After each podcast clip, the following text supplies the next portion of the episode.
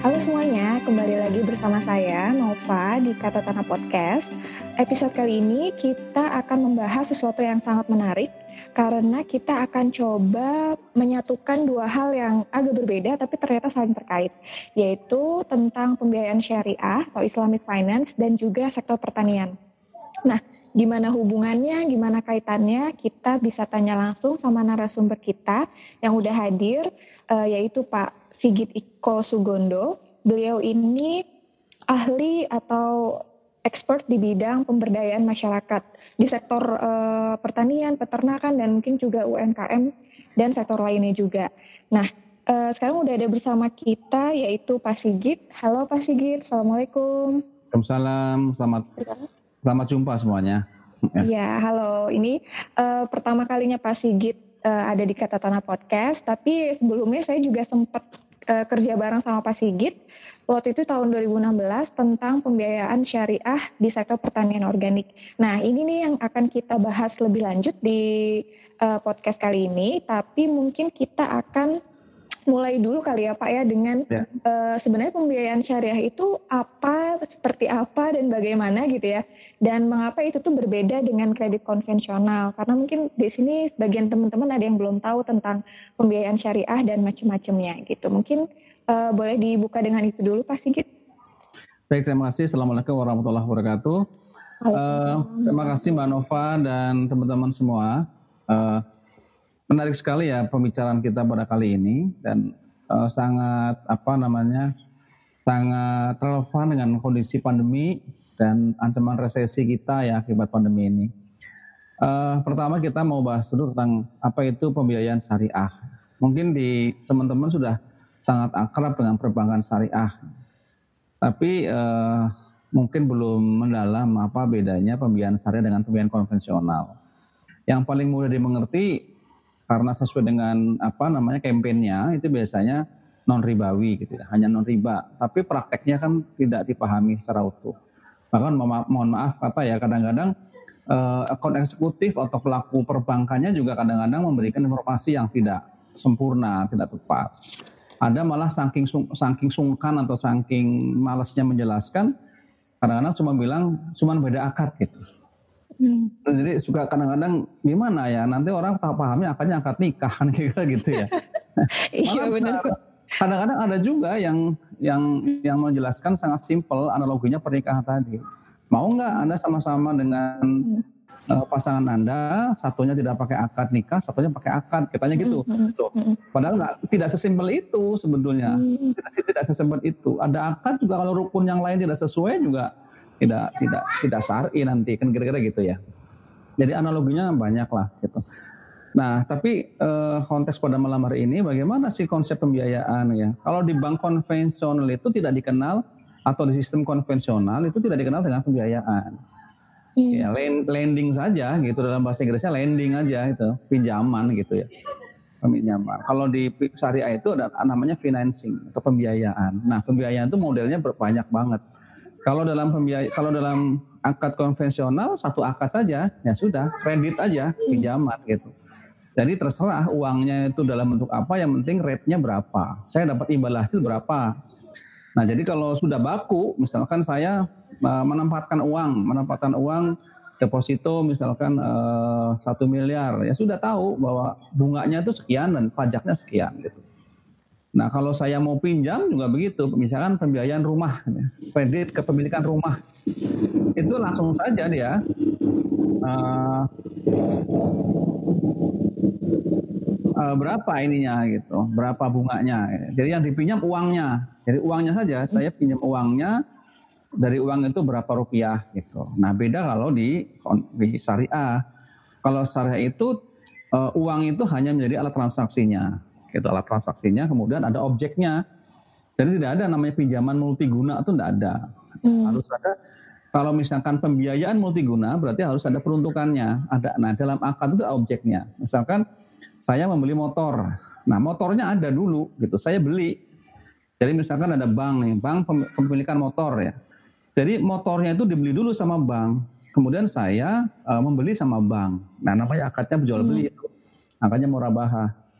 Ya jadi bukan pinjam duit sama bank kemudian dibelikan motor, bukan. Tapi saya beli motor. Nah, motornya belinya sama bank. Kita kira gitu. Hmm. Nah, jadi bedanya sedikit gitu kalau bank konvensional kan ya saya pinjam uang aja, pinjam uang bunganya 7% misalnya atau 12% satu tahun. Dari uang itu kemudian saya belikan motor. Nah, kira-kira gitu ya. Yeah. Nah, kalau kalau pembiayaan saya nggak begitu. Ya kalau pem, pem, pembiayaan motor ya berarti saya beli motor kepada bank pada lembaga keuangan. Nanti bank mengambil margin kira-kira gitulah. Itu gampang simpelnya kan seperti itu simpelnya. Tapi juga kalau pembiayaan syariah pada sektor pertanian juga ya. begitu. Nah kalau saya pinjam pinjam uang gitu, pinjam uang ke lembaga keuangan, nah uangnya saya gunakan untuk modal kerja bertani itu konvensional. Hmm. Tapi kalau hmm. saya pinjamnya kepada uh, pembiayaan kepada pelaku usaha syariah, itu ada akadnya dulu. Akadnya bagi hasil murabah, mudarabah atau jual beli murabah. Kalau jual beli berarti ada ada ada produk yang dijual belikan. Misalkan input faktornya pupuknya benihnya gitu. Jadi ada hmm. objeknya. Jadi harus ada objeknya dulu. Jadi kalau jual beli ya tidak terlepas dari rukun jual belinya. Ya, rukun jual beli kan ada pedagang ada pembeli kemudian ada barang yang dijual belikan kemudian ada alat transaksi yang disepakati ada harga yang disepakati kemudian ada akadnya dan ridho di antara kalian. Ada ada rukunnya gitu jual beli ada rukunnya. Kemudian bagi hasil juga ada rukunnya. Kita ada mudaribnya gitu ya. Ada akadnya, ada kesepakatan nisbahnya berapa kalau bagi hasil gitu. Jadi ada tidak sekedar pinjam uang kemudian saya balikan hasilnya tidak, tapi ada ada akad ada rukun-rukun yang harus dipenuhi gitu. Akadnya jual beli ya kita penuhi akad jual belinya. Kita kayak tadi pembiayaan motor, berarti kan jual beli motor, berarti rukun jual belinya harus disepakati. Kalau hmm. saya sawah ya, pembelian sawah gitu, hmm. uh, pembiayaan untuk pertanian, akadnya apa nih? Ada tiga akad yang kelihatan. Hmm. Akad jual beli berarti pengadaan input faktor, akad hmm. baha ya, itu berarti tuh jual beli. Akad bagi hasil, nah berarti seseorang uh, pemegang dana gitu, lembaga keuangan memberikan hmm. sejumlah modal kepada kita, kemudian uh, ada hasil yang kita bagikan. Nah, yang disepakati adalah nisbahnya, bukan persennya. Kalau jual beli disepakati marginnya, profitnya yang disepakati. Hmm. Jadi saya jual uh, motor 10 juta, nah nanti pemegang modal ngambil 10 persen, berarti 11 juta marginnya, bukan bunganya, margin dari motor itu gitu. Kemudian kalau bagi hasil, nisbahnya atau kesepakatan berapa dari keuntungan hmm. itu berapa yang kita bagikan, misalkan 50-50 persen, atau kalau dalam bahasa kitanya mertelu dia sepertiga atau maro 50-50 atau seperwulon seperdelapan hmm. kira gitu ya. Jadi sudah ada praktek-praktek itu di masyarakat. Atau hmm. sirka, sirka itu sama-sama apa shareholder ya. Jadi shareholder. Jadi saya punya uh, modal, penyerang dana punya modal membentuk suatu usaha bersama namanya musyarakah, sirkah, berserikat berkongsi, perkongsian itu boleh gitu. Jadi agak sedikit berbeda prakteknya antara uh, syariah dengan non syariah, kira-kira gitu. Itu sih Mbak Nova, okay. gampangnya, biar gampang dia mengerti sih kayak gitu. Yeah. Tidak yeah. sebatas non riba, enggak, masih ada rukun-rukun yang lain yang harus dipenuhi, hmm. kira-kira gitu. Ya. Oke, sip. Makasih penjelasannya ya. Pak Sigit. Terus mungkin terutama tadi yang uh, contoh motor ya, yang paling gampang ya, kita paling gampang. pahami ya. gitu ya, hmm. paling gampang. Nah, terus tadi juga sebenarnya udah sempat disinggung sama Pak Sigit soal uh, pembiayaan syariah di sektor pertanian gitu ya. Gimana ya. akadnya, gimana uh, bagi hasilnya. Nah itu tuh Pak, uh, kita misalnya sebagai petani kita atau sebagai peminjam, kita masih bisa negosiasi ya Pak ya uh, soal bagi hasil dan lain sebagainya atau itu udah ditentukan di oleh banknya atau oleh lembaga peminjamnya? Uh, prinsip dasarnya ridho di antara kalian, ridho hmm. di antara antara kita yang pelaku usahanya. Hmm. Ya. Hmm. Misalkan contoh begini ya, Hmm. kalimat ridho itu bukan berarti menawar sebetulnya. Misalkan kita gini, misalkan ya, hmm. kita membeli di supermarket, harganya ya. sudah tertera dan kita tidak bisa menawar. Hmm. Tapi harga tersebut logis dan si pembeli mas, uh, ridho dengan harga itu, hmm. nggak apa-apa, nggak apa-apa, it's hmm. okay. okay. Nah kalau kita belanja di pasar, kalau kita belanja di pasar, kita kembalikan harga yang ditawarkan oleh si pedagang menurut kita masih bisa ditawar atau nggak logis lah menurut kita. Nah, menurut kita menawarnya. Nah, nah nawarnya kemudian si pedagang memberikan hasil, memberikan uh, harga, ya, menawar harga yang baru. Nah, ketemulah titik temu.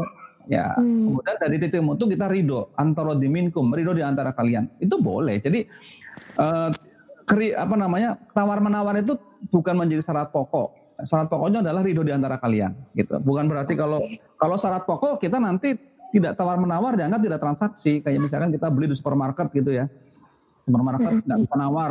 Pak yeah. di situ nawar nggak sari, nggak juga. Gitu. Yang sari oh, okay. karena bisa nawar nggak ya. Jadi yeah, nggak yeah. gitu. Iya. Ini nggak okay. nggak nawar pun kalau kita ridho harganya logis nggak apa-apa. Oh gitu. oke okay, oke. Okay.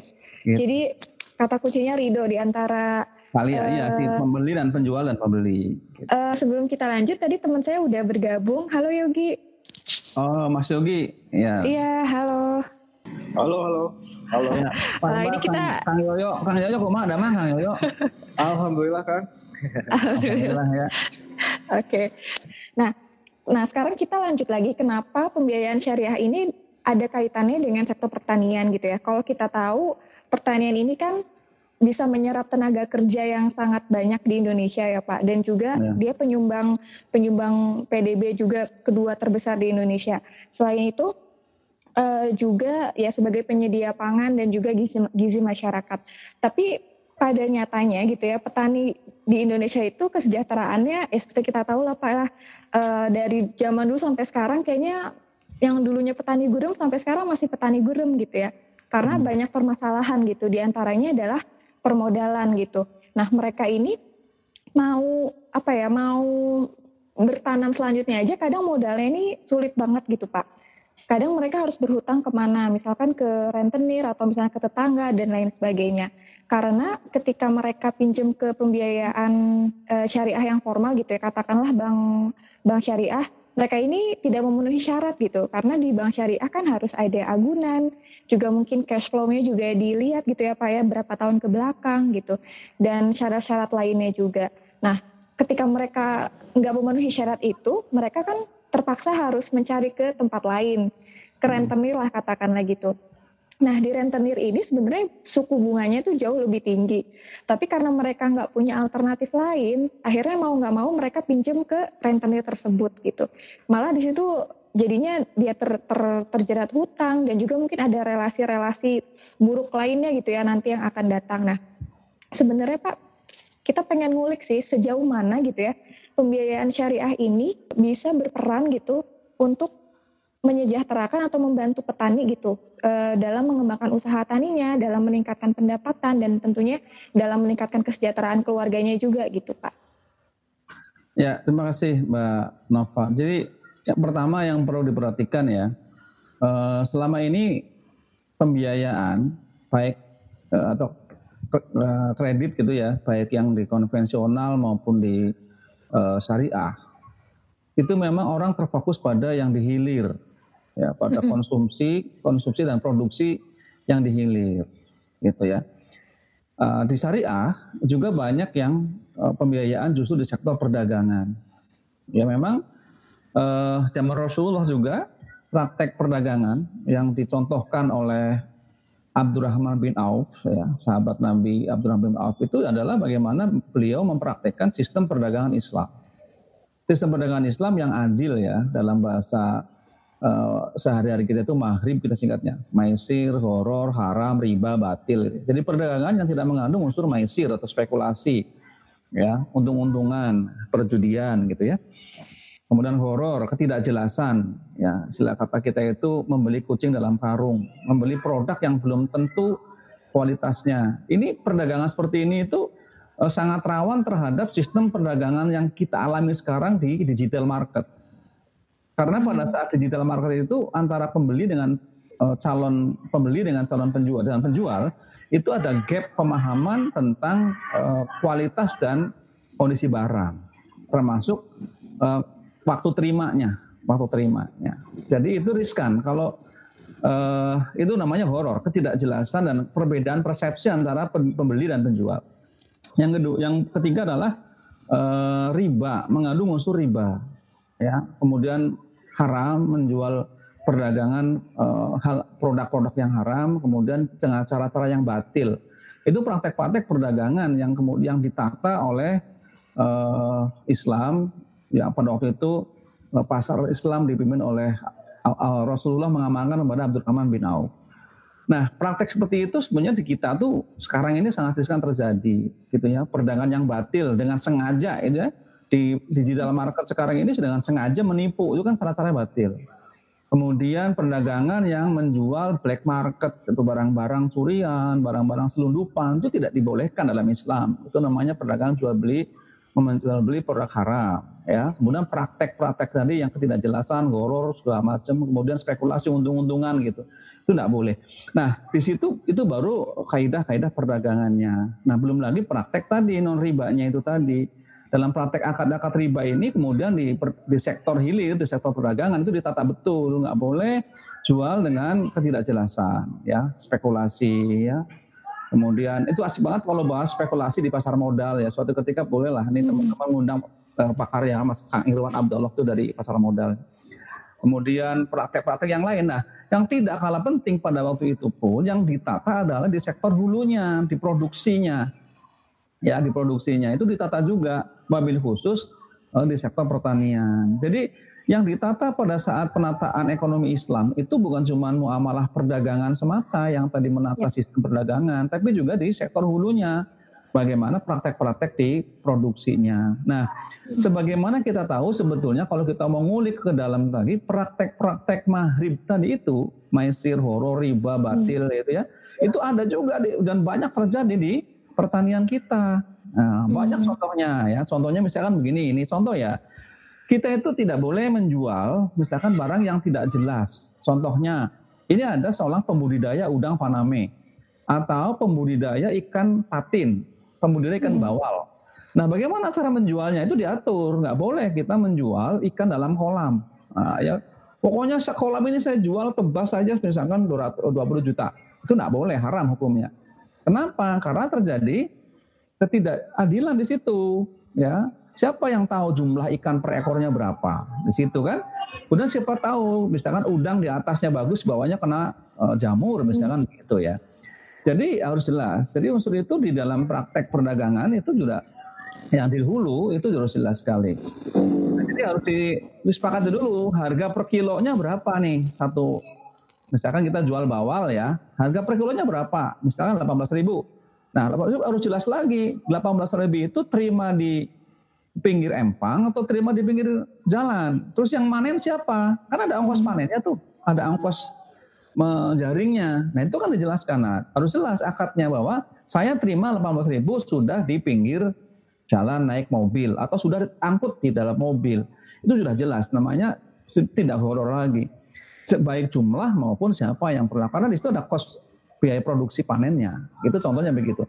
Kemudian lagi misalkan begini kita misalkan menjual kacang tanah. Nah ini kalau kacang tanah kan misalkan di dalam tanah. Boleh nggak saya menjual kacang tanah ditebas begitu saja. Ya. Kemudian padi. Nah padi kan banyak. Bukan ijon ya. Praktek tebasan. Praktek tebasan. Jual beli tebasan.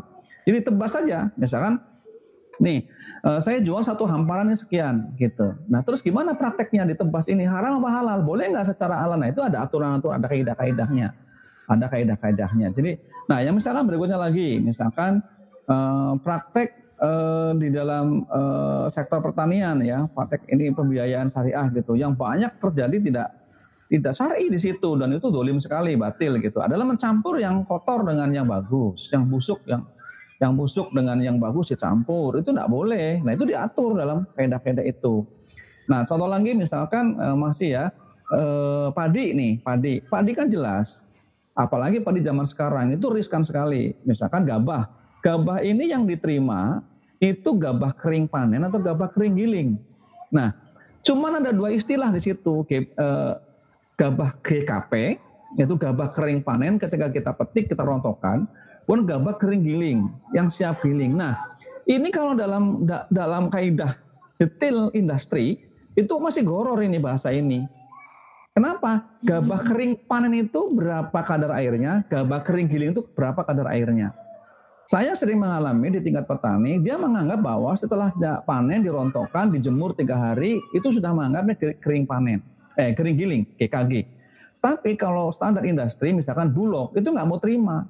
Kenapa? Bulog tuh harus detail 14 persen kadar airnya. Nah, si petani kan nggak punya sistem pengeringan modern, si petani tidak punya alat ukur kadar air. Nah sehingga begitu disetor ditolak sama industri. Karena apa? Asumsinya harganya eh, kadar airnya terlalu tinggi. Si petani nggak sanggup kan, ya, akhirnya mau bawa pulang lagi kan kos lagi resiko. Ya sudah akhirnya dibeli dengan harga semau maunya aja. Harga berlaku pukul rata saja, GKP samanya. Jadi itu praktek-praktek di hulu di produk pertanian juga yang sampai sekarang tuh banyak sekali, bukan cuma sekedar pembiayaannya ya, praktek hmm. muamalahnya, gitu ya, praktek muamalah yeah. itu perdagangannya di sana itu juga banyak yang yang tidak kalah penting harus kita tahu ulang. Jadi bukan kalau bicara ekonomi Islam, bicara keuangan syariah bukan cuma di sektor hilirnya gitu, di subsektor uh, off farmnya, tapi di hmm. on farmnya juga banyak sekali yang yang praktek-praktek harus kita tangani bukan soalnya pelaku pedagang pelaku keuangannya tapi bagi si petani selaku penjualnya juga itu harus menjadi uh, apa namanya harus menjadi catatan-catatan. Itu baru ngomongin tentang kayak apa namanya praktek-praktek perdagangan di situ ya jual belinya di situ. Belum lagi praktek-praktek tadi permasalahan akses akses pembiayaan permasalahan yeah. burem itu belum belum itu itu baru baru satu kilas itu aja gitu. yeah. oke okay. ya, Iya. Nah, pengen nanya dong. Iya iya. Ya. Bapak, uh, saya uh, kan saya juga sebenarnya sekarang lagi pengen bikin koperasi di kota ya terkait uh, di dunia pertanian juga. Yang saya highlight pertama adalah ketika kita menggunakan kata syariah, koperasi syariah. Kan sistemnya emang paling bijak menurut saya sampai saat ini, di mana kita harus dari hulu hilirnya ibaratnya fair, fair trade-nya ada, peminjaman yang jelas, sama emang penanaman juga betul gitu. Tapi saya uh, sebagai orang awam di dunia ya meskipun saya agama Islam, tapi ibaratnya apakah kita harus memakai ego syariah dalam keseharian? Karena mengingat Indonesia ini kan emang mayoritasnya bukan hanya Islam. Sedangkan uh, hal ini tuh harus diperkenalkan kepada halayak umum secara uh, bijak dalam tata bahasa. Nah, nyambung lagi ke arah ketika saya juga di pertanian mempelajari sistem CSA, Community Support Agriculture.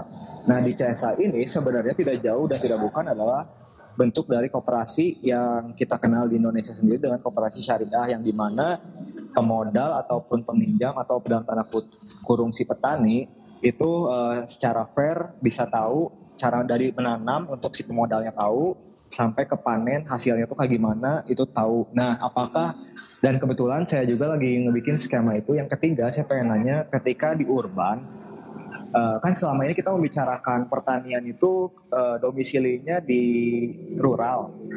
Sedangkan orang-orang yang berminat dalam tanda kutip uh, yang mengetahui knowledge system dalam hal koperasi itu kebanyakan orang-orang dari kota, dari urban.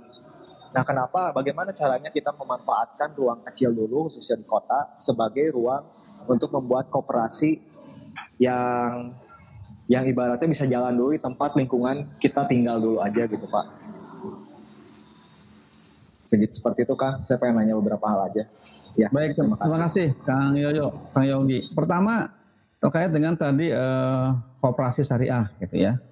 Jadi yang pertama dipahami begini, uh, pada dasarnya petani itu adalah pengusaha pada dasarnya, dia manajer pada dasarnya. Kenapa? Ketika sebagai seorang petani, dia itu memiliki modal yang pertama, kapital, inisiatif kapital. Ya, dia punya lahan, dia juga punya skill, meskipun yeah. tidak terdidik, tapi dia terampil, dia punya keterampilan, dia punya kemampuan manajerial sebetulnya petani itu. Apa manajerialnya coba? Penentuan tanggal panen, tanggal tanam, penentuan komoditas, penentuan varietas, itulah kemampuan manajerial, meskipun dalam tataran konsep sederhana, gitu ya.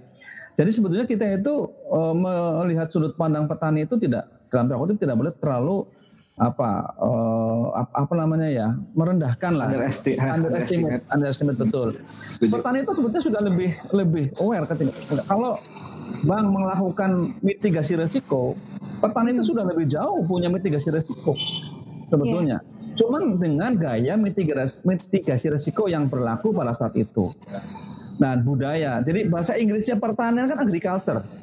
Ada culture di situ, ada budaya bercocok tanam di situ, ada budaya bertani. Jadi tidak terlepas dari budayanya.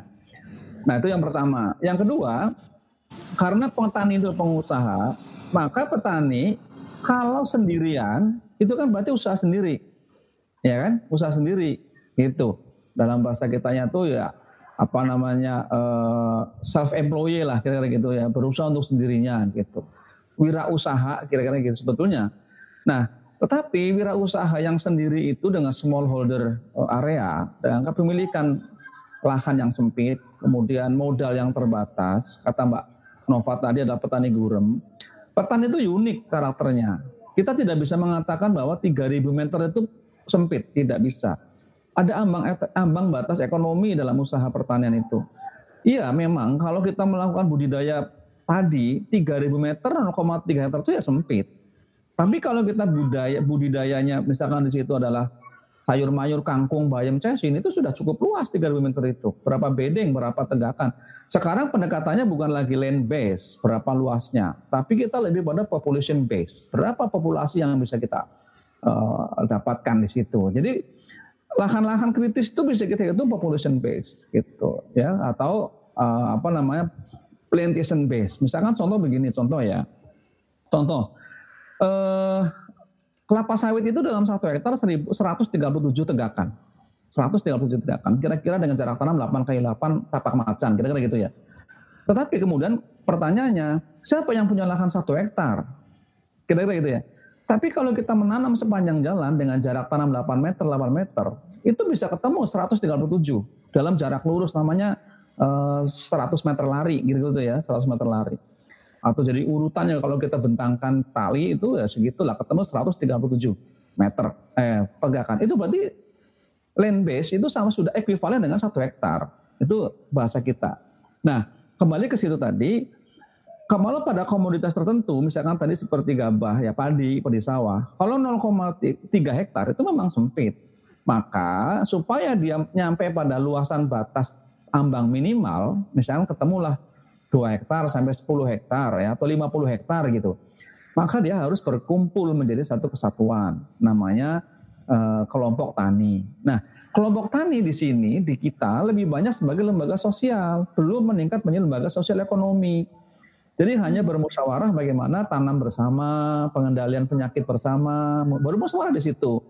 Nah, nanti setelah kelompok tani baru naik menjadi badan usaha bersama petani. Nah, Badan Pertanian tadi, kelompok sosial petani tadi, kelompok tani tadi dinaikkan menjadi kelompok sosial ekonomi. Jadi sudah membahas tentang ambang ekonomi, kemampuan input produksi, bagaimana peringatan produksi, bagaimana bicara tentang supply chain, bagaimana penutupan uh, pemenuhan uh, supply apa namanya permintaan gitu. Jadi sudah bicara soal ekonomi di situ. Jadi nah, tapi itu badan hukumnya belum jelas, baru namanya kelompok swadaya masyarakat atau badan usaha, kelompok usaha bersama. Nah, setelah kinerjanya bagus, baru kita bikin akte kelahirannya. Ya apa bentuk usaha badan namanya meningkat menjadi badan hukum usaha petani. Nah, badan hukum usaha petani itu yang paling relevan itu biasanya kooperasi gitu. Kenapa? Karena dimiliki oleh kepemilikan yang banyak shareholdernya itu tadi pemegang sahamnya minimal 20 orang jadi koperasi kabupaten, kalau di atas itu bisa lebih tinggi lagi. Tapi kalau Anda bayangkan kelompok 0,3 hektar ketemu 50 hektar itu udah 150 orang jumlah petaninya. Kalau bikin CV kebanyakan lah kepemilikannya. Jadi harus bentuk namanya koperasi karena anggotanya banyak. Perkara nanti koperasi kemudian ketemu koperasi lain menjadi gapok menjadi eh, koperasi sekunder gitu membentuk PT itu lain masalah. Itu jenjang yang berikutnya. Nah, jadi Mas Yoyo ya, saran saya jangan berangkat dari akte kelahiran. Kalau berangkat langsung kepada membentuk koperasi itu sama halnya kita bentuk akte kelahiran tapi bayinya belum lahir itu. Jadi alangkah baiknya bentuklah badan usaha bersamanya dulu, kasihlah kinerja kinerja yang sesuai kaidah dengan badan usaha. Nah begitu sudah kinerja yang jelas baru kita resmikan menjadi dari KSM, kelompok swadaya masyarakat menjadi koperasi. Sehingga dengan demikian eh, kita lebih mudah ketimbang berangkat langsung bikin koperasi karena pemahamannya berbeda-beda, kinerjanya berbeda-beda, apalagi soal uang di situ, gitu ya. Nah baru itulah pengalaman saya. Jadi harus betul-betul kita sesuai lah prosesnya kita sepakati. Nah yang kedua, bagaimana syariah dan tidak syariah? Yang paling penting adalah kaidah-kaidah syariahnya kita jalani dulu gitu ya. Saya punya pengalaman menerapkan konsep GRACE, Gerakan Ekonomi Syariah dengan akad-akad syariah itu di petani yang minoritas, 37 persen Muslim, nah 63 persen non Muslim, dan itu berhasil akad itu. Kenapa? Saya tidak menulis di situ kooperasi syariah, tapi kelompok swadaya masyarakatnya sesuai semua dengan kaidah syariah tadi. Akad mudarabah bagi hasil, saya sampaikan dengan bahasa bagi hasil. Berapa bagi hasilnya? Nggak pakai nisbah. Bagi hasilnya ya mertelu, maro gitu, pertelon, apa perwulon ya seperlapan, sepertiga atau setengah gitu. Kalau di ternakan pakai gaduh gitu. Jadi ada bahasa-bahasa lokal yang dimengerti oleh masyarakat, tapi itu kaidahnya sesuai kaidah syariah gitu. Kemudian eh, apa namanya eh, akad-akad itu harus dipahami gitu. Prakteknya harus dipahami sekali. Maka kalau kita berangkat langsung bikin kooperasi syariah, kopsah gitu ya. Itu masyarakat yang kita temui udah bingung duluan gitu. Kooperasi aja dulu sudah jadi bangkrut Pak gitu. Di bawah lagi pengurusnya ini bangkit lagi gitu. Beda kalau kita adakan sesuai prosesnya satu persatu gitu. Nah, dengan demikian teman-teman semuanya eh, Mas Yoyo gitu ya Kang Yoyo silakan aja bikin dan saya sangat mendukung untuk kooperasi karena akadnya itu sangat relevan. Nah, fair trade-nya jelas. Kayak tadi ya kita misalkan jual Misalkan kayak dengan Mbak Nova, saya bikin pembiayaan akad salam. Akad salam itu kan sulit, gitu ya, sulit dipahami. Apa itu akad salam? Apa bedanya sama ijon? Padahal ijon dengan salam itu mirip-mirip di masyarakat tuh, mirip, mirip gitu. Hmm. Bedanya apa? Bedanya ya akad salam itu kan saya menentukan jumlah tonasenya, saya menentukan uh, deskripsi barangnya, saya menentu kita menyepakati kapan waktu serahnya. Uangnya kontan ketika transaksi hari itu. Nah, ijon juga sama. Ijon itu satu hamparan saya beli semua dengan kondisi pada saat itu, harga saat itu, diterima kontan saat itu, barang saya terima belakangan. Tapi tidak disepakati tonasenya. Nah, itu bedanya. Nah, bagaimana prakteknya? Saya katakan bahwa mengatakan ini saya jual beli tunda serah namanya. Jadi jual beli, saya membeli satu ton ya gabah, kemudian atau satu ton kopi. Ya kita jelasin yang saya beli adalah kupas atau cherry itu atau green bean gitu. Terserah disepakati. Nah satu kilonya berapa? Nah saya terima tanggal sekian bulan sekian kita prediksi.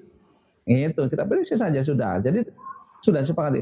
Saya membeli sekarang satu ton, tapi penyerahannya saya tunda pada bulan sekian. Nah, itu kan beda. Jadi yang pertama saya sepakat ya. Yang pertama saya sepakat membuat koperasi sebagai badan hukum usaha petani itu sangat karena paling relevan karena nanti kepemilikannya rame-rame itu pasti banyak. Yang kedua, saya sepakat koperasi syariah, tapi tidak harus dengan nama kopsah menurut saya. Yang penting adalah kaidah-kaidah syariahnya diberlakukan, dibiasakan di kita. Itu dibiasakan. Jadi ketimbang sampai jangan sampai sudah label syariah tapi di dalamnya malah kayak tadi contoh di awal saya katakan. Cuman beda akad itu doang. Padahal akad itu me, diiringi dengan rukun kan gitu. Akadnya jual beli rukun jual beli harus dipenuhin. Akadnya mudarabah bagi hasil rukunnya harus kita penuhin gitu. Jadi tidak sekedar beda akad. Ada rukun-rukun yang kita penuhi. Nah yang kedua kopsa itu juga terkait dengan akuntansinya gitu. Beda tuh akuntansi Koperasi biasa yang konvensional dengan akuntansi syariah itu berbeda. Tadi akuntansi konvensional mah yang penting duit keluar berapa marginnya. Nah, tapi kalau koperasi dengan syariah berbeda, akadnya mudarabah juga beda, beda akad bagi hasil akad murabah jual beli juga beda akuntansinya. Belum lagi kalau misalnya akadnya akad salam yang diterima natura. Nah, bagaimana sistem akuntansinya? Kan itu beda. Ya, misalkan tadi hmm. saya koperasi saya, saya kemudian membeli, saya tuh gini, coba eh, Mbak Nova, Mbak Mas Yoyo ya, kita coba bayangkan nih. Ini kasus yang di tempat saya, misalkan gini, gini ya. Bikin koperasi itu, itu ada, itu ada iuran pokoknya. Anggaplah iuran pokok 100 ribu. Nah petani itu nyari 100 ribu setengah mati. Nggak punya duit bisa jadi gitu loh. Yang kedua ada iuran wajib. Nah itu juga duit lagi tuh. Ya. Nah saya memperlakukan sistem ini itu saya saya ganti modelnya. Iuran pokoknya itu dalam bentuk gabah 10 kilo. Jadi untuk menjadi anggota koperasi di tempat saya itu, itu iuran pokoknya itu dengan gabah 10 kilo. Kita sepakati harganya misalkan 5 ribu rupiah. gabahnya gabah kering panen, eh gabah, gabah kering giling kayak KG 5000. Jadi 5000 dikali 10 berarti dia iuran pokoknya sudah 50000. Kira-kira gitu. Nah, iuran wajibnya setiap Jumat kita jemput Jumat berkah. Terserah, boleh dengan gabah, boleh dengan kelapa. Komoditasnya kita pilih karena tidak semua komoditas saya bisa menjualnya. Nah, rata-rata cuma dua yang di setor, gabah atau kelapa muda. Gitu. Itu Jumat Jumat itu sebagai simpanan wajib uh, simpanan wajibnya, tabungan wajibnya. Nah, jadi petani secara otomatis dia punya kemampuan untuk membayar, tapi nggak punya rupiah. Nah, tugas si manajer koperasi lah yang kemudian menjual gabah ini menjadi rupiah. Nah, sebagai tabungannya itu menjual kelapa muda ini menjadi rupiah. Nah, sebagai tabungannya dia. Itu kita berlakukan di situ tuh. Nah, sehingga mereka mendapatkan apa namanya mendapatkan uh, kesempatan untuk bisa menabung. Bayangkan kalau setiap bulan dia harus nabung 35 ribu, 35 ribu kan berat sekali. Padahal satu kelapa muda saya hargakan 3.500. Nah dia minimal bisa satu, satu tandan. Satu tandan itu rata-rata 10 butir. Nah dia bisa bisa menabung setiap Jumat itu dua, dua tandan. Maka dia sudah menabung 70 ribu rupiah. Satu Jumat, satu kali Jumat. Kalau empat Jumat berarti 280 ribu tabungan dia dalam satu bulan. Itu kan perilaku menabungnya dia. Nah, yang kedua itu baru unsur syarat wajibnya dan syarat pokoknya sebagai koperasi, tabungan wajib, tabungan pokok. Yang kedua kemudian pembiayaan. Pembiayaan kita lakukan itu yarnen, dibayar panen. Nah, yang dipanen itu kan gabah. Kalau saya menunggu rupiah, itu dia harus jual dulu ke pasar dan sebagaimana. Nanti sulit lagi, maka saya terimanya gabah. Misalkan pembiayaan dia satu hektar 15 juta per hektar. Nah, kemudian ekuivalen, kalau saya ribu rupiah gabahnya, maka Anda harus menyerahkan dalam bentuk eh, apa namanya? dalam bentuk eh, gabah 15 juta dibagi ribu, berarti sekitar eh, apa misalkan contoh eh, 3 ton misalkan gitu ya. Contoh misalkan begitu hitungannya. Nah, di situlah kemudian dia bisa membayar. Nah pertanyaannya, yang pertanyaan tadi kembali, bagaimana cara pencatatannya? ini nggak ada rupiahnya nih akuntansinya nih. Gitu. Gabah dalam bentuk gabah semua, tabungan semua. Nah, kan berarti ada satu fase di mana dia harus menjual, buku terima tabungan, mencatat, menguangkan, mencatat, gitu kira-kira gitu ya. Nah, yang ketiga, yang penting infrastruktur. Kalau saya punya 150 anggota koperasi, ya, kemudian pembiayaannya itu rata-rata 15 juta ya, 15 juta rata-rata. Anggaplah 15 juta dibagi dengan 5 ribu rupiah. Ya, ketemu 3 ton, ya 3 ton gabah. 3 ton gabah dikalikan dengan 15 orang, eh, 150 orang. Kan saya punya 450 ton gabah. Pertanyaannya, itu gudangnya di mana? Itu, itu akhirnya saya punya 9 gudang. 9 gudang ini, gitu. Nah, belum lagi saya kemudian melakukan namanya tunda jual, manajemen namanya lindung hasil, manajemen stok. Kita manajemen stok di mana eh, apa namanya? Kalau saya sedang panen raya, harga kan turun, maka saya akan menjual ketika dua minggu kemudian harga sudah naik. Saya sekarang tuh paceklik tuh 5.300 gabah saya. Saya modalnya cuma 4.700. Saya masih punya untung 600 perak. Tapi ada susut jangan lupa karena petani cuma 18 16 persen kadar airnya. Nah, yang kedua saya edit value. Yang saya jual adalah berasnya beras kemasan. Saya jual beras kemasan. Itu. Jadi saya mendapatkan beberapa tahap-tahap margin dari untuk si koperasi. Nah, gitu Mas Yoyo. Jadi ada beberapa kaidah-kaidah yang harus di uh, apa dilakukan kinerjanya dulu, jangan pada identitasnya dulu. Nah, yang kedua pertanyaan kedua adalah urban farming, betul. Jadi begini, ada dua metode, ada dua metode, urban farming sama rural farming. Uh, urban farming pada teknologi ya meskipun dia lebih di, lebih sering disebut sebagai budidaya lahan sempit ya bukan small lagi lah sempit dah gitu ya nah dengan optimalisasi lahan sempit kelebihannya adalah uh, urban farming ini langsung memangkas jarak antara sentra produsen dengan sentra konsumen itu keuntungannya ya jadi uh, cost produksi cost distribusinya dapat tekan yang pertama yang kedua uh, manajemen lindung hasilnya pasca penanganan pasca panennya. Jadi kalau sayur itu kan jadi karakter komoditas pertanian adalah perishable atau mudah rusak. Kalau kita punya sentra produksi misalkan contoh ya, sentra produksi sayur mayur di Bandung itu rata-rata di Lembang atau Ciwidey gitu ya. kemudian kita distribusikan ke Bandung. Mending Bandung dekat satu jam dua jam sampai. Tapi kalau kita distribusi ke Kerawang, rata-rata kan Kerawang itu berarti ada jarak. Nah jadi tingkat kerusakannya itu lebih lebih tinggi kalau jaraknya antara produsen dengan konsumen itu jauh. Nah biasanya kerusakan itu bisa karena kimia, bisa karena mekanik, ya karena benturan, ya misalkan ketiganya karena biologis ya ada bakteri dan sebagainya. Itu kan kerusakan-kerusakan itu. Nah untuk mencegah itu biasanya menggunakan pengawet biasanya. Nah pengawetnya uh, food grade atau tidak, ini kan nggak jelas. Kayak tahu itu kan nggak jelas food grade atau tidak. Gitu. Nah keuntungan urban farming adalah memperpendek jarak antara produsen dengan konsumen. Itu. Tapi teknologinya lebih tinggi, jadi pada teknologi. Nah saya sepakat bagaimana urban farming. Nah teknologi urban farming ini disesuaikan saja, jangan cuma sekedar hobi. Ya, harus pada menyasar tadi karena pada teknologi pasti padat modal. Nah harus sampai uh, ya, sampai pada ambang ekonomi yang baik, ambang ekonomi yang baik ya. Misalkan contoh kita melakukan teknologi uh, di pinggiran di pertengahan kota Bandung misalkan dengan uh, vertikultur. Nah, vertikultur kita tentukan penentuan teknologi apa yang efisien. Nah, sekarang kan orang lebih lebih banyak misalkan pakai hidroponik, hidroponik semua. Padahal hidroponik itu hanya salah satu teknologi urban farming. Aquaculture salah satu kombinasi antara akuatik dengan agriculture, dengan tanaman dan uh, perikanan. Aquaculture itu hanya teknologi. Jadi sebelum menentu, sebelum melakukan uh, budidaya, tentukan dulu teknologi yang tepat untuk daerah tersebut, baik dari sisi aspek tiga aspek ya. Satu aspek uh, komoditasnya sesuai dengan lingkungan tumbuhnya, kedua aspek lingkungannya, ketiga aspek usahanya atau aspek ekonominya, aspek, bisnis bisnisnya. Kalau hobi, dia mengesampingkan aspek bisnis, namanya juga hobi. Ya, yang penting ramah lingkungan, komoditasnya laku. Kan kira indah, itu saja. Nah, tiga nih urban farming itu. Yang pertama adalah aspek komoditasnya sesuai dengan lingkungan tumbuh.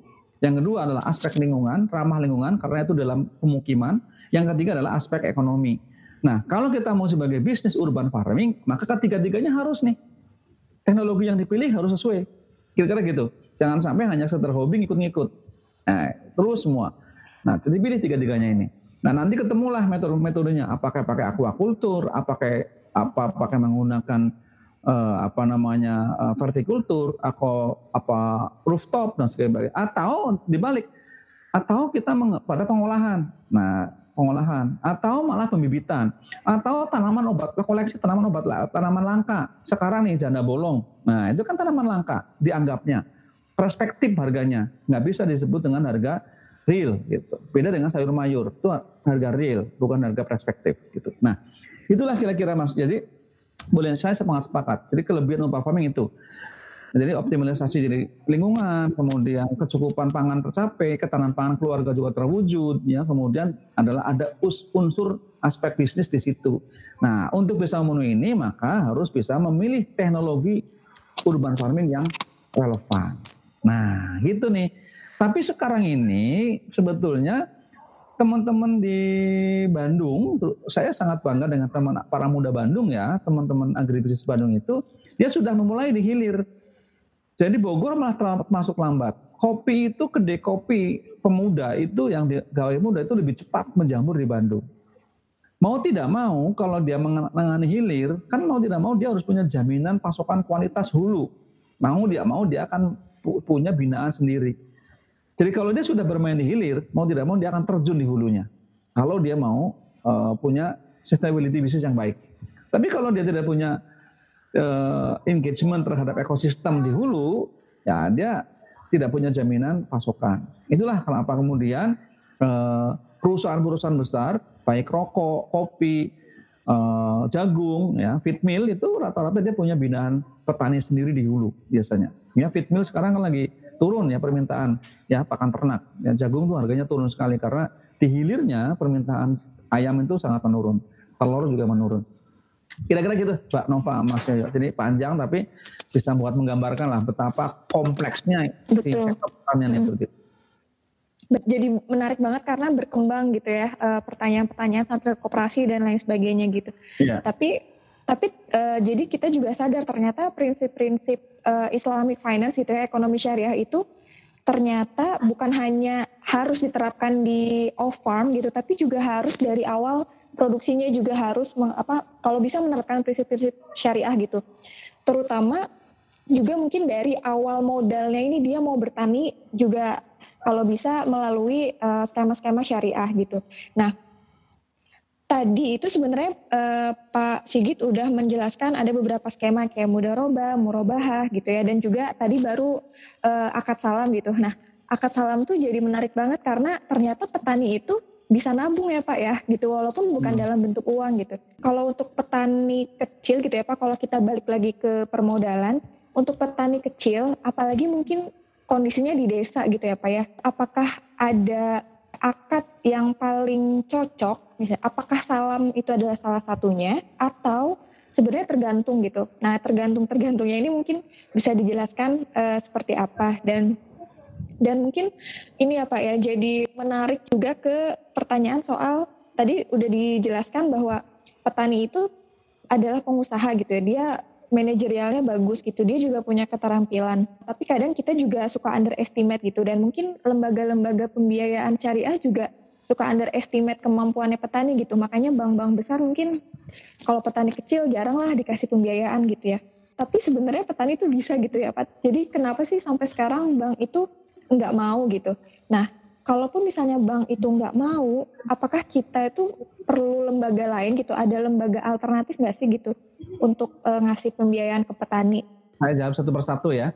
ya. Yang pertama di tingkat petani, uh, tingkat kesejahteraan atau miskin atau tidak. Jadi begini, uh, kita pahami petani kelihatannya tidak sejahtera, ya dan tidak dapat dipungkiri juga bahwa BPS menyebutkan uh, lebih sekitar hampir 50 persen itu adalah kemiskinan Indonesia itu ada di pedesaan. Ya. Nah, ekonomi pedesaan itu identik dengan pertanian. Jadi kalau begitu kan hampir identik yang miskin di Indonesia adalah petani, kira-kira gitu ya. Tetapi ini ini di luar dari dari di luar dari hitungan-hitungan uh, kuantitatif seperti itu. Tapi kenyataannya adalah yang paling eksis di kita, yang berhasil menelurkan dan melahirkan para pejabat, para cendekiawan, itu justru petani gitu loh. Hmm. Kan gitu. Jadi so, uh, apa namanya? Coba kita lihat uh, banyak petani yang melahirkan dokter, anaknya insinyur, anaknya dosen, anaknya pengusaha. Bahkan Pak Peri Warjio, Gubernur BI, itu adalah bapaknya seorang petani. Pak Harto, presiden yang kita dulu, itu juga bapaknya kemusuk keluar petani. Kan kira-kira gitu. Jadi sebenarnya petani itu ya uh, punya kemampuan untuk itu. Nah sebaliknya putranya Pak Peri Warjio itu uh, ada nggak yang jadi petani? Nah, kira-kira gitu kan ini nggak terbukti sebetulnya. Butanya Pak Presiden ada nggak yang jadi petani? Kan kira-kira gitu. Nah, jadi kita balik ya. Ini terlepas dari uh, angka kuantitatif miskin. Nah, bagaimana cara mengkuantifikasi kesejahteraan petani? Itu jadi penting kan? Jadi gini loh, gini, uh, kita menghitungnya begini. Petani itu, petani itu memang gini. Di Indonesia itu ada namanya kemiskinan relatif. Kemiskinan relatif Salah satu yang menjadi relativitasnya adalah musim. Karena kalau hmm. kemiskinan diukur dibandingkan antara perbandingan penghasilan seseorang dan kemampuan menutupi konsumsi minimum, itu petani ada saatnya pada saat musim paceklik dia tidak memiliki rupiah, tidak punya kemampuan, ya. Sementara kebutuhan dasar tetap. Tapi pada saat musim panen dia berlimpah, penghasilannya tetap tinggi. Artinya bisa jadi penghasilan satu musim itu ya kebutuhan satu tahun. Nah itu bisa dibayangkan tuh. Nah jadi relatif. Nah ada kabupaten-kabupaten yang sektor utama pensupport PDB-nya atau apa ekonomi lokal regionalnya adalah pertanian. Contoh Wonosobo. Wonosobo, yeah. Wonosobo itu adalah kabupaten berbasis ekonomi pertanian. Jadi kalau petaninya lagi harga kentangnya turun, otomatis pasar di Wonosobo lesu tuh. Nah, Lampung Barat juga begitu, ada kopi dan sebagainya. Nah, jadi pertama seperti itu, kita bisa bayangkan. Nah, jadi di mana sih cara menghitungnya? Sebetulnya simpel saja di agribisnis itu gampang banget bahwa total revenue petani itu adalah total cost, total apa? Penghasilan itu total revenue dikurangi total cost kira-kira gitu ya. Jadi kita lihat produksinya, tidak selamanya produksi tinggi itu mampu meningkatkan penghasilan petani. Ya kan kalau kita lihat total revenue kan total revenue itu adalah quantity dikali PY, harga kuantitas kan itu ya.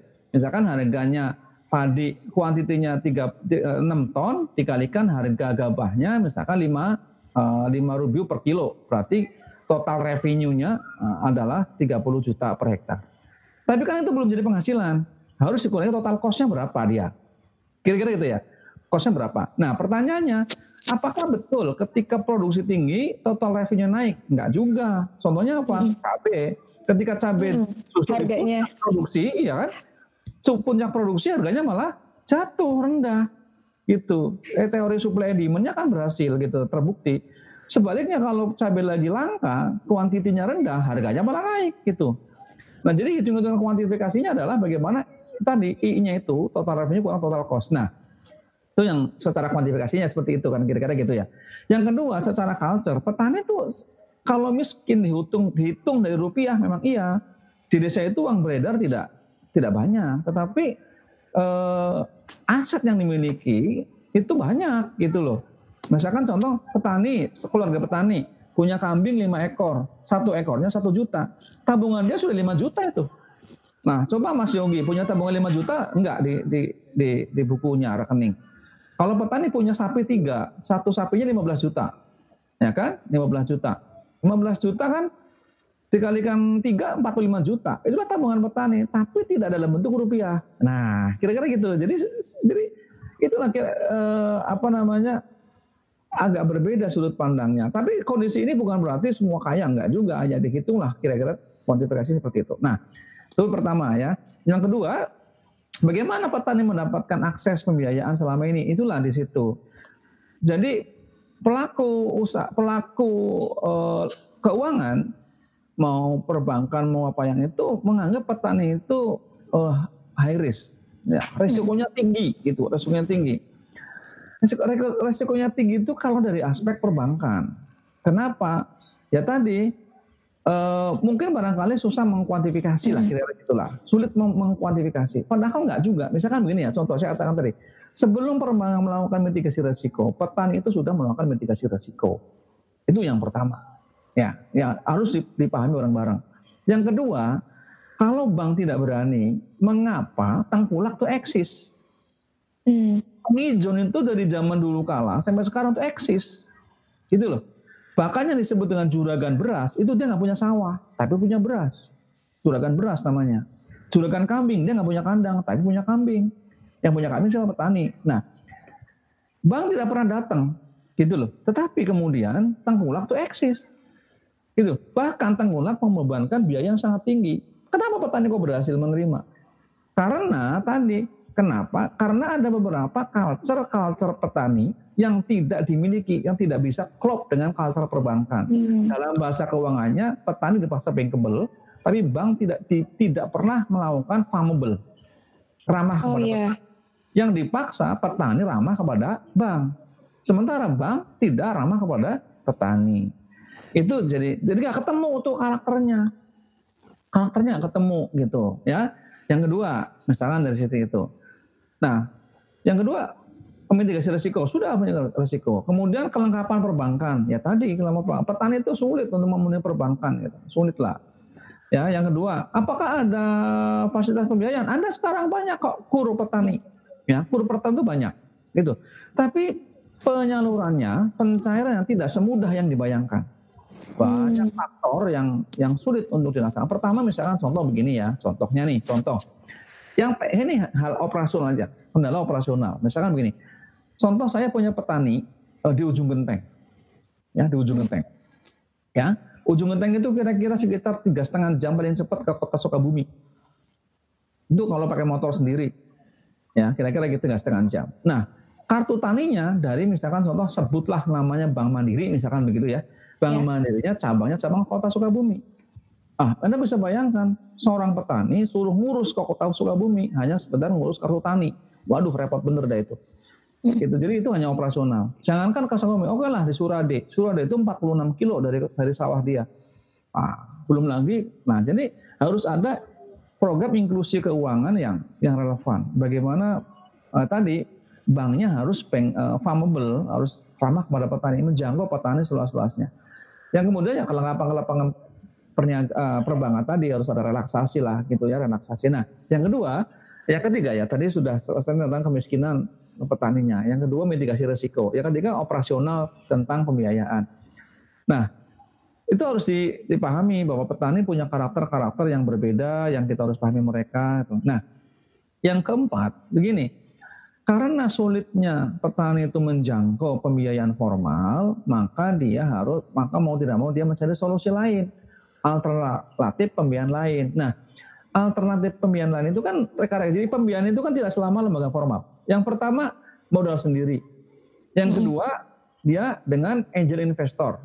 Ya, investor yang berhati malaikat. Kira-kira gitulah. Ya, yeah. yang yang ketiga baru mereka uh, dengan lembaga keuangan formal.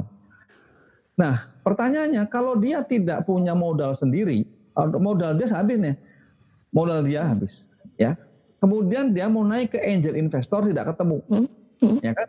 dia mau naik ke kelembagaan per, ke kelembagaan bank apa keuangan formal tidak bisa menjangkau, maka dia akan mencari alternatif lain. Yaitu siapa? Yang mudah dijangkau meskipun tadi tidak sesuai dengan karakter ya. petani ya. bahkan tidak syar'i. Yang paling dia mudah adalah para tengkulak, para penghijau, para rentenir yang mereka datang ke pematang-pematang. Kalau saya sebut namanya transaksi pematang. Nah, hmm. transaksi pematang itu betapa mudahnya. Gitu loh.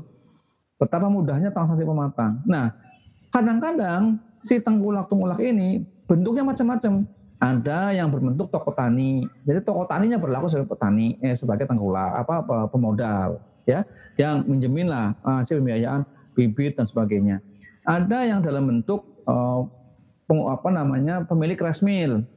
Nah, yeah. pemilik rice mill itu kan punya unit rice milling unit, tapi mm. tidak punya sawah. Mm. Maka dia pengen punya jaminan gabah, gitu kan? Nah, supaya punya jaminan gabah, maka dia kerjasama dengan para petani-petani atau minimal para pengumpul-pengumpul. Nah, dalam bahasa keren namanya collecting agent. Collecting agent kan itu ya, collecting agent.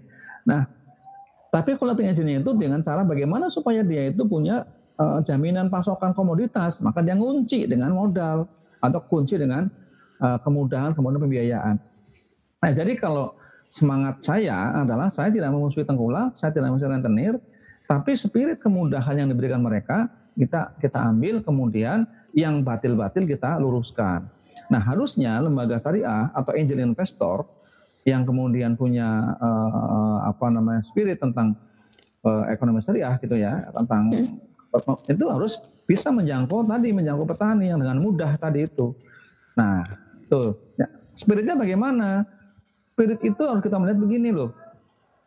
Siti Hadijah itu memodali bermitra dengan Rasulullah pada saat berdagang itu tidak dilihat dari berapa modalnya Rasulullah secara kapital, hmm. secara rupiah. Ya, dia nah, tapi yang adalah akhlaknya, al-amin bisa dipercaya. Karena Rasulullah bisa dipercaya, maka Hadijah memberikan penyertaan modal yang yang bagus. Nah, jadi kuncinya di sini sebenarnya bukan bukan capital. Kuncinya sebetulnya. Capital dalam rupiah gitu ya. Bukan juga kolateral, bukan agunannya, tapi lebih kepada social trust. Bagaimana punya kepercayaan sosial yang tinggi. Gitu loh. Kepada si petani itu. Nah, bagaimana supaya tahu? Nah, ini jadi kan jadi apa namanya? jadi telur kayak sama ayam gitu. Pak, bagaimana cara punya kepercayaan kepercayaan yang tinggi kepada petani kira-kira gitu ya? Modal saya ya sebenarnya kolateral, nah, minta kolateralnya, nah kolateralnya salah satunya ya. Nah maka bagaimana ada mekanisme ya tadi si banknya harus seperti tengkulak, apa bagaimana menyapa petani. Kalau dia menyapa petani, insya Allah dia berhasil. Itu sih. Iya, itu iya, sih. Iya. Tapi kalau kur banyak, alokasinya banyak. banyak. Cuman tersalur apa tidak itu pertanyaannya iya. silakan kepada yang berkompeten. Tersalurnya berapa gitu. Dan iya. yang tersalur pun rata-rata di on farm, eh, di off farm, di, di perdagangannya. Okay. Ya pembiayaan rice millingnya, kemudian hmm, iya, iya, iya. Uh, pembelian modal pembelian gabah. Kalau iya. saya punya kontrak kepada Bulog sekian ribu hmm, ton, hmm. saya bisa biayain ini bisnisnya. Tapi iya. sekarang ada kok peer to peer ya, peer to peer. Mudah-mudahan peer to peernya investor lah, angel investor nih, gitu. Hmm. Mudah-mudahan, mudah-mudahan iya. gitu ya. Iya iya iya. Iya sih Pak, mungkin uh, kalau ke off farm dan muamalah kayak gitu kayaknya yang kur itu sudah uh, ya adalah yang tersalurkan cuman yeah. saya juga belum tahu pak informasinya apakah yang bisa mengakses kur itu apakah petani kecil pun bisa atau uh, belum gitu. Kalaupun bisa, uh, apakah ada contoh contoh praktik baiknya dan segala macam itu memang belum ada informasi sih Pak soal itu. Tadi lembaganya itu ada yang formal, ada yang uh, non formal kan ya Pak ya. Tadi ya. lembaga, tadi uh, kalau misalnya dia udah nggak bisa cari dana sendiri, dia bisa ke angel investor misalkan. Kalau nggak ketemu, ya dia ke lembaga formal dan kalau nggak ketemu lagi, ya dia mau nggak mau ke lembaga non formal gitu ya Pak. Nah, ya. kalau misalkan lembaga lembaga-lembaga apa ya Pak ya, mungkin apa kayak lembaga lain seperti tadi mungkin koperasi atau pesantren atau kayak gitu sebenarnya bisa nggak sih Pak jadi ngebantu petani untuk pembiayaan modal dan oh, iya. Ya, dan kaitannya sama dana-dana seperti uh, zakat, wakaf gitu Pak, itu bisa di, dimanfaatkan nggak ya Pak? Ya, uh, sumber pembiayaan pertanian itu sebenarnya tersedia banyak ya. Kalau kita mau pakai dana komersil, anggaplah dari kur pertanian atau LPDB gitu ya, itu bisa. Hmm. Dengan catatan mesti ada satu uh, vehicle yang baik sebagai avalisnya. Ya, jadi misalkan koperasi sebagai avalis, hmm. gitu ya, atau off taker sebagai avalis. Itu bisa tuh. Jadi harus disertakan off taker sama avalisnya. Itu bukan perkara yang sulit sebetulnya. Jadi uh, asal di situ tadi kaidah-kaidah jual belinya masih jelas gitu ya. Kaidah-kaidah muamalahnya masih jelas. Jadi uh, maka mau tidak mau saya ada satu model kelembagaan usaha petani yang pas ya ada model kelembagaan tadi hmm. kalau saya katakan tadi tadi uh, Poktan kalau Poktani itu kelembagaan sosial petani tapi baru batas aktivitas sosial Poktan harus menjadi ditingkatkan menjadi kelembagaan sosial ekonomi petani sehingga Poktan baik ini menjadi bisa menjadi avalis. Nah, bank bisa executing dengan si dengan dengan avalis ini dengan si dengan si kelembagaan ekonomi petani ini sebenarnya bisa saja. Nah kalau ekonomi kooperasi nggak apa-apa gitu asalkan kooperasinya itu uh, amanah gitu ya sesuai kaidah tadi. Jadi saya sepakat bahwa uh, kur itu secara konsep itu penyalurannya memang kepada si petaninya secara konsep. Mm -hmm. Jadi uh, eh, LPDP juga begitu, ya petaninya. Peer to peer lending pun sama, itu kepada petaninya. Tetapi kemudian mekanismenya itu boleh ada avalis harusnya supaya apa memudahkan. Ya kalau LPDP misalnya dari Kementerian Pembiayaan dari Koperasi, Menkop, Kemenkop gitu, itu bisa dengan koperasi petani operasi produksi ya. Jadi kan kooperasi baru menyalurkan kepada petani-petani itu gitu. Tapi dengan catatan ya kaidah-kaidahnya betul, kinerjanya betul gitu kira-kira gitu. Nah, kemudian sumber alternatif lain. Nah, sumber alternatif hmm. lain. Tadi kan tadi ada modal sendiri, eh, ada angel investor, kemudian ada lembaga keuangan formal, baik yang perbankan maupun non perbankan gitu ya. Itu bisa saja. Yang penting modelnya itu ketemu tuh modelnya, model corporate farmingnya ya, model model ketemu. Yang kedua boleh mengenal alternatif pembiayaan lain yaitu social islamic finance. Social islamic finance itu bisa e, berbentuk misalkan dari e, CSR, sedekah maupun wakaf produktif. Nah, wakaf produktif memungkinkan. Ya, wakaf produktif memungkinkan dengan uh, konsep pembiayaan. Saya melakukan itu, ya, saya melakukan itu dengan konsep wakaf produktif. Ada dua macam. Satu, wakaf lahannya, wakaf aset. Jadi petani-petani penggarap, eh, petani yang tidak punya lahan bisa menjadi petani penggarap. Ya, eh, kita kasih namanya HGU, hak guna usaha, kira gitu ya, antara si eh, petani penggarap dengan si nazir. Yang kedua adalah modal kerja. Modal kerjanya dari wakaf produktif ya, yang dibayar panen. Akadnya boleh, uh, boleh. Jadi boleh. Jadi satu ya tadi konsepnya dari modal sendiri, kemudian angel investor, kemudian lembaga keuangan formal atau alternatif pembiayaan dari Islamic Social Finance itu bisa. Yeah. Tapi jauh dari itu yang paling penting adalah uh, skemanya atau modelnya itu harus tepat. Ya, jadi kalau misalkan kita langsung kepada petani, nah siapa yang dalam tanda kutip uh, yang mengelola karena kalau saya pahami lah betul si perbankan itu kalau cuma membiayai 15 juta, 5 juta, ya, 15 juta itu kan satu hektar, 12 juta per hektar. Kalau kepemilikannya cuma 0,3 kan berarti cuma 4 juta. Ya pemilihan 4 juta satu orang ditemuin satu-satu ya memang agak repot ya. Saya wajar lah itu nanti cost operasinya lebih tinggi. Hmm. Maka supaya ini silakan gabung menjadi uh, tadi sosial ekonomi lembaga sosial ekonomi petani ya. ya itu tadi nanti baru si lembaga atau kelembagaan usaha petani kelembagaan usaha petani itu yang bekerja sama dengan uh, si penyandang modal. Nah, hmm. jadi ketemulah di situ. Jadi tidak tidak satu persatu lah kita nanti biar bisa ketemu. Nah, nanti si kelembagaan pertanian itu bisa sebagai avalis gitu, bisa sebagai avalis di situ. Avalis itu tadi lembaga penjamin gitu ya Pak, semacam yang Iya, dia bisa sebagai berperan penjamin dan pe, pemberi persetujuan pencairan dana. Perannya bisa hmm. seperti itu. Hmm. hmm. Gitu. Tapi dia okay. tidak, tidak menerima dana, yang terima dana ya petani itu. Ya. Sebetulnya. Oh iya iya. Oke. Nah si avalis ini yang bisa bisa jadi siapa aja tadi apa ya? Bisa jadi koperasi atau lembaga Bisa koperasi kalau di bisa, ya, bisa koperasi atau boom trend kalau pesantren, boom trend, badan usaha pesantren. Oh iya, maksudnya pesantren. Oh iya, badan ya, usaha. Bisa, boom trend, bisa. Oke, oke. Dan tadi boom menarik trend. juga sih Pak.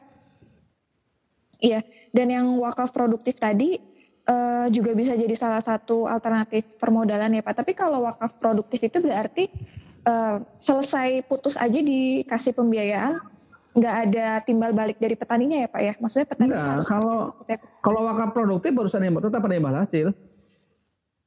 Jadi gini kalau wakaf produktif itu kan dari wakifnya ke nazir. Mm. Nazir ya, itu putus karena wakaf. Mm. Tapi kemudian dari nazir kepada petani itu mesti ada akad komersilnya, komersil. Okay, okay, nah, okay. dalam konteks ini namanya petani itu namanya mitra nazir. Nah, itu ada imbal ada imbal hasilnya. Cuman bedanya begini, kalau investor atau perbankan keuntungannya untuk perbankannya. Tapi kalau wakaf produktif, keuntungan yang didapat itu sebagian besar dikembalikan kepada umat. Nah, karena kan hmm. kan wakaf itu milik umat. Iya. Yeah. Itu. Di kepada oh, siapa? bisa. Iya. Iya, kepada namanya mauquf alaih atau penerima manfaat dari hasil usaha wakaf produktif. Hmm. Nah, dalam konteks ini si koperasi petani tadi menjadi mitra nazir namanya, mitra hmm. nazir. Gitu. Oke oke. Jadi bisa bergulir ya Pak ya si wakaf produktif itu? Bisa. Dari bisa. imbal hasilnya bisa digulirkan hmm. Nah gitu okay. bisa. Setidaknya si Nazir bisa me memperlakukan akad-akad yang tidak hmm. diatur oleh perbankan, kira-kira gitulah. Hmm. Jadi bisa hmm. dalam konteks kalau tidak bankable, ini yeah. tapi visible gitu loh. Yang penting kan kalau nggak bank itu kan visible and bankable pertanyaannya kalau visible unbankable ini bisa ranahnya wakaf hmm. produktif. Artinya bahwa hmm. apa persyaratan-persyaratan perbankan yang tidak dapat dipenuhi oleh si petani tetapi usahanya visible ini bisa di cover oleh dana wakaf produktif ini. Hmm, oke okay, oke. Okay. Oh iya iya betul betul Pak. Jadi tapi kalau nazir itu uh, posisinya dia harus lembaga apa ya legal gitu harus ada kayak SK atau misalkan pendirian dan sebagainya atau bisa siapa aja sebenarnya kalau si Nazir ini? Iya harus ada kewenangan dari BWI Badan Wakaf Indonesia. Hmm. Bisa dalam bentuk kelembagaan atau perorangan. Hmm. Oke oke oke. Itu ya. bisa dioptimalkan yang udah ada ya Pak ya di desa atau di kecamatan lah yang deket-deket gitu ya Pak. Gak perlu ya. membentuk sebuah uh, lembaga yang baru gitu kan? Iya, saya pikir bisa saja dengan wakaf badan wakaf yang sudah ada, lembaga wakaf hmm. sudah ada banyak kok. Gitu. Bisa. Okay. Dan itu sekarang malah lebih lebih ini karena di lembaga wakaf badan wakaf itu ada namanya LPS PWU, lembaga hmm. ya apa eh, lembaga apa pembiayaan syariah penerima wakaf uang tunai wakaf uang uh, hmm. LPS PWU penerima wakaf uang. Jadi perbankan syariah yang ditunjuk menerima wakaf uang eh, sebagai mitra hmm. nadir. Nah, si mitra nadir ini, atau si nadir, misalkan begini ya, misalkan uh, saya lembaga wakaf saya misalkan gitu ya, itu bermitra dengan misalkan contoh BNI Syariah sebagai LPS PWU, ya. Uh, uh, kemudian lembaga pembiayaan syariah penerima wakaf uang, gitu ya, si BNI Syariah dengan program pembiayaan pertanian, itu. Terkumpullah wakaf oleh dari wakaf itu misalkan 10 miliar, misalkan begitu ya. Nah saya boleh itu melakukan mudarabah mukayadah. Saya sebagai nazir itu bisa hmm. meminta kepada si BNI Syariah untuk mukayadah. Jadi mudarabah mukayadah kepada petani binaan saya. Itu boleh. Hmm, mudarabah mukayadah itu bisa dijelaskan? Ya, mudarabah itu adalah akad bagi hasil, tapi calon penerima atau mudaribnya apa e, mitranya itu sudah ditunjuk. Hmm. Eh, misalkan saya punya binaan pertanian, uh, petani itu di di ujung genteng, ya. Yeah. Saya punya binaan nih, saya punya binaan punya binaan di ujung genteng. Kemudian petani binaan ini saya perlu eh, petani binaan ini perlu pembiayaan, ya kan, pembiayaan syariah. Nah pembiayaannya dari dana wakaf tunai. Nah saya kan nazir kebetulan wakaf tunai.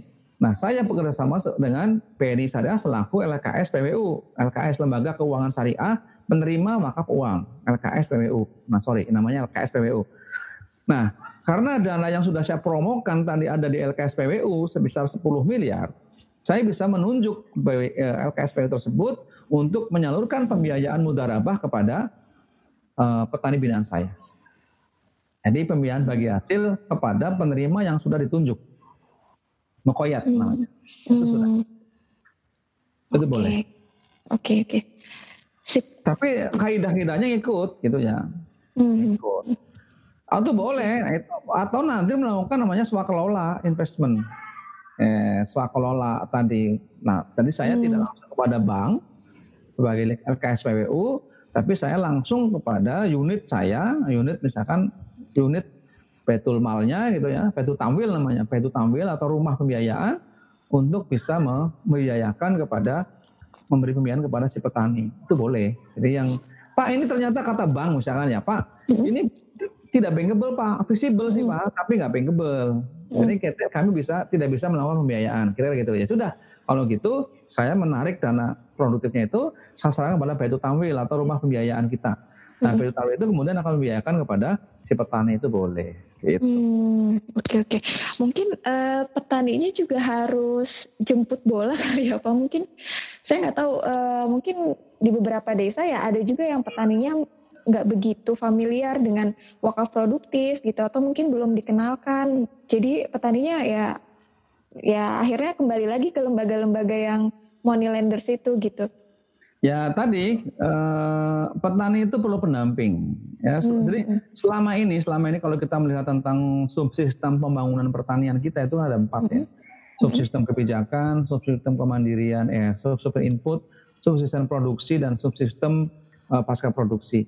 Nah petani kita itu selama ini dia hanya berkutat di subsistem produksi. Dia hmm. tidak berkuasa pada subsistem input, Ya. Pun dia tidak berkuasa pada akses uh, pembiayaan pasar pasca produksinya. Nah, so, uh, apa namanya dari sisi kebijakan pembangunan pertanian kita itu harus bisa membuat petani kita mampu mengakses uh, pada pasca produksi secara umum, ya kan? Nah kita maka paling kita harus punya pendamping. Tapi hmm. bagaimana cara membuka akses? Pertanyaannya aksesibilitas tadi, inklusi uh, keuangan yeah. itu harus menjangkau ke sana Ya, ya. Termasuk in, eh, ya, tadi kalau keuangan ya Islamic Social Finance-nya juga harus ya. nyampe ke sana. Nah, yang tidak kalah penting itu kan kalau ada duitnya. Kalau si nazirnya punya uang, nah kalau nazirnya nggak ada, wakifnya nggak setor gimana? Jadi literasi sosial Islamic Finance juga harus penting gitu, bahwa si wakif, si calon wakif gitu juga penting bahwa ini ada suatu kebutuhan dan ada sebuah skema yang cukup visible, cukup baik, maka si wakif bisa mewakafkan hartanya gitu ya untuk peningkatan pembangunan pertanian kita itu bisa. Nah, pertanyaan kan ada tugas kita di literasinya gitu, literasi eh, apa ekonomi syariah Islamic Social Finance ya gitu. Jadi PR-nya banyak ya kalau modalnya ada tapi aksesnya tertutup, aksesnya terbuka Betul. tapi kemudian juga sumber dayanya belum termobilisir itu juga repot juga. Jadi yeah. semuanya harus bisa kompleks banget. Iya betul. Betul. Oke okay, Pak. Ya Hmm, cuman jadi jadi sangat sangat terbuka gitu Pak. Ternyata ya pembiayaan syariah itu baik yang melalui lembaga formal ataupun yang tadi Islamic uh, Social Finance yang seperti zakat, wakaf produktif dan sebagainya itu sangat-sangat bisa menjadi uh, alternatif untuk petani meningkatkan usaha taninya gitu ya Pak ya. Nah, ya, betul. Uh, tadi sebenarnya udah udah banyak banget yang saya tanyain dan alhamdulillah cukup banget uh, Pak Sigit Mungkin untuk di akhir sesi, Pak Sigit ada yang mau disampaikan dulu nggak ya terkait pembiayaan syariah, uh, implementasinya atau terkait pertanian itu sendiri gitu Pak? Ya, terima kasih. Uh, di sesi akhir ini saya menyampaikan bahwa pertama uh, sektor pertanian tadi di awal pembicaraan kita Mbak Nova menyampaikan begitu punya peran yang sangat besar. Yang pertama secara social impact ya bahwa petani kita itu di samping menyajikan kebutuhan pangan dan nutrisi bangsa kita yang 260 juta, apalagi di saat pandemi seperti ini tidak ada impor ya. Kita punya tantangan tentang ketersediaan pangan kita di dalam negeri. Ya harus punya kemampuan pemenuhan karena uh, kita punya ancaman di kita itu adalah jumlah penduduk yang 260 juta jiwa dikalikan satu kintal saja itu berarti 260 juta kintal uh, beras mm -hmm. yang harus penuh satu tahun. Kemudian uh, kekurangannya ditutup oleh produksi dalam negeri, kekurangannya impor kan. Tapi kemudian karena pandemi kita tidak bisa impor lagi baik dari Thailand, dari Myanmar ya dan lain nggak bisa, dari India nggak bisa karena apa? Karena memang pandemi dan krisis pangan global yang ancaman kita itu luar biasa. Nah itu juga penting ya, seperti begitu besar uh, peran dan peran sektor pertanian. Yang kedua adalah penyerapan tenaga kerja. Tadi 38 persen angkatan kerja kita itu diserap oleh sektor pertanian. 38 persen.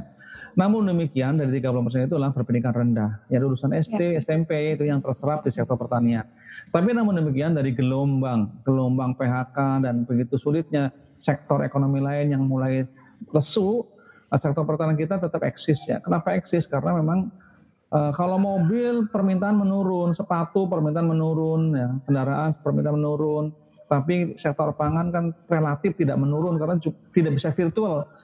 Jumlahmu kayak apa ya harus terpenuhi kira-kira gitu. Jadi uh, tetap bisa menyerap tenaga kerja yang baik gitu. Nah itu jadi ya harus kita pahami bahwa sektor pertanian itu begitu sangat penting bagi kita. Yang keduanya, ayo bersama-sama jaga petani kita agar tetap sehat, tetap bisa berproduksi dan kita memberikan solusi kepada petani kita, mengapresiasi pada petani kita supaya dia bisa juga berproduksi secara baik gitu ya, tidak menyalahi aturan syariah, juga punya mendapatkan solusi gitu ya. Kalau kita mengatakan tidak bolehlah kita mengutuk segala sesuatunya, tapi kita juga bisa berbuat apa pun. Yang ketiga, ekonomi Islam, ekonomi syariah itu sebagai solusi di masa kini karena kondisi kita yang eh, apa harus berpihak kepada produksi ya, bukan sekedar pada penyandang dana, kira-kira gitu. Dan kemudian teman-teman bicara ekonomi Islam, akad-akad muamalah yang tadi kita bicarakan tidak harus dilakukan oleh lembaga keuangan formal. Kita juga sebagai personal bisa melakukan akad-akad itu. Kalau hmm. kita sebagai punya sebagian dana, kalau kita mau menjadi investor ya bisa lakukan sebagai angel investor eh, melakukan investasi dan pembiayaan yang baik kepada petani kita eh, tanpa apa ya membebani mereka lebih berat gitu kira-kira gitu ya. Jadi bisa lah gitu. Yang kedua, kalau kita tidak mampu melakukan pembiayaan langsung kepada petani, kita bisa melalui lembaga intermediasi. Intermediasi kita itu bisa melalui fintech, bisa melalui lembaga keuangan syariah gitu ya yang sudah silakan. Tapi eh, apa artinya bahwa tidak harus ke sana kita bisa sendiri. Tapi kalau tidak mampu ya silakan melalui lembaga uh, keuangan formal. Yang ketiganya uh, lebih baik lagi kalau sebagian hartanya kita hentikan kepemilikan kita serahkan kepada uh, pengelola wakaf atau apa untuk supaya dana itu menjadi dana abadi umat yang terus-menerus bisa bermanfaat dan menjadi solusi kepada petani yang visible tapi unbankable. Kemudian bagaimana cara mengapa petani unvisible menjadi un, menjadi visible? Dorong dengan dana sosial Islam instrumen lain seperti zakat, infak, sedekah ya sedekahnya kita besar, infaknya kita besarkan, melepaskan diri dari gerakan rentenir ya, petani kita itu uh, banyak sekali uh, apa namanya apa namanya yang bisa kita lakukan. Yang terakhir uh, tetap semangat, yang penting niatnya baik gitu ya. Uh, insya Allah kita bisa berkontribusi lah untuk uh, petani kita, petani berdaya, bangsa sejahtera, Indonesia makmur sentosa. Ah, begitu. Amin. Sip, sepakat banget. Sekali ya. lagi ya. terima kasih banyak atas waktunya, atas kesediaannya berbagi ilmu sama uh, kita semua, sama teman-teman di sini juga. Uh, sukses selalu Pak Sigit untuk kegiatannya amin, amin. Ya. dan sehat selalu untuk Pak Sigit dan keluarga. Amin. Gitu. Ya. Saya undang dan, ke lokasi binaan kita di Ujung Genteng. Nah di sana di lengkap lengkap ya saat peminatani peternakan perikanan darat mm -hmm. maupun laut termasuk wisatanya. Ah, ya. ah ya sip. Insya Allah Pak mudah-mudahan ada kesempatan ya. ke sana. Pengen banget. Oke. Okay. Dan terima kasih juga untuk uh, teman-teman yang diskusikan malam hari ini bermanfaat untuk teman-teman semuanya. Kalau gitu sampai ketemu di episode selanjutnya. Wassalamualaikum warahmatullahi wabarakatuh. Selamat malam. Terima kasih.